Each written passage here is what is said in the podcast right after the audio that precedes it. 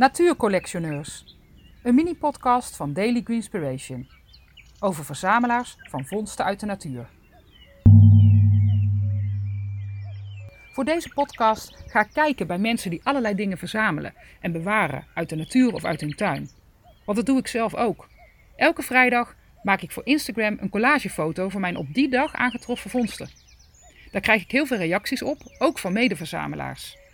Daarom besloot ik hen te bezoeken om van hun collectie eenzelfde foto te maken en te horen wat ze verzamelen en waarom en wat het verhaal is van al die vondsten. Voor deze derde aflevering bezoek ik illustratrice Jacqueline Alberts, die ik heb leren kennen op Instagram. Zij illustreert en maakt stempels van insecten, maar ook botanische onderwerpen. Ook beschildert en bestempelt ze grote en kleine kiezels. Haar werk verkoopt ze in haar Etsy-winkel en op andere platforms.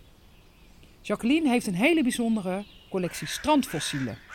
Ik vraag haar wat ze allemaal heeft liggen in haar kast en in allerlei bakjes door het hele huis. Er zijn heel veel verschillende dingen. Uh, wij gaan uh, regelmatig naar het strand uh, op vakantie en dan voornamelijk richting Denemarken en Noord-Duitsland. En daar op het strand zie je eigenlijk heel veel fossielen die je hier dus niet vindt. Steende zeeegels en zeekoralen.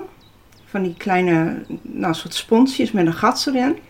Donnerkeilen, ja. Dat is, dat is dus de, Duitse benaming ervoor. In het Nederlands noemen ze dat belemnieten. Dat is een overblijfsel van een... Uh, ja, het is eigenlijk een zee-inkvis. Het stukje staart blijft er van over. En de zeester zie je ook nog. Je hebt, ziet ook nog een heel klein stukje overblijfsel van een, een soort van bos. Ik weet niet precies waar dat van is, maar die vonden we dus ook op het strand.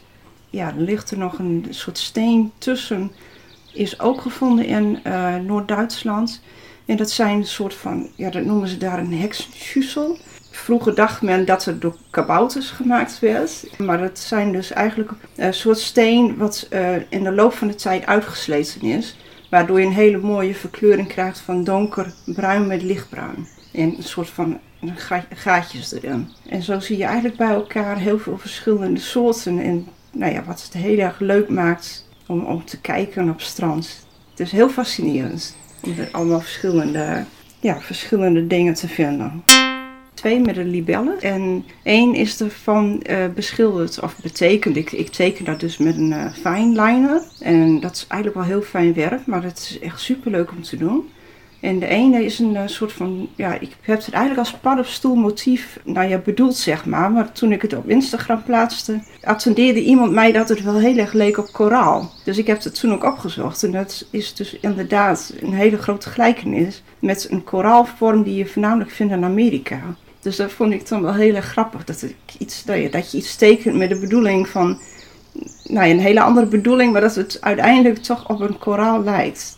En, uh, ik heb zelf dan ook een uh, Etsy-winkel. Voornamelijk eigenlijk om stempels, daar doe ik heel veel mee. En uh, ja, ik plaats af en toe de stenen en als mensen mij vragen, dan doe ik dat ook een opdracht. Dus eigenlijk wel heel divers. Wat ik, ik schilder zelf ook heel veel insecten, daar ben ik mee begonnen. En eigenlijk via via rol je dan toch wel verder in andere dingen maken. En het is ondertussen heel uitgebreid.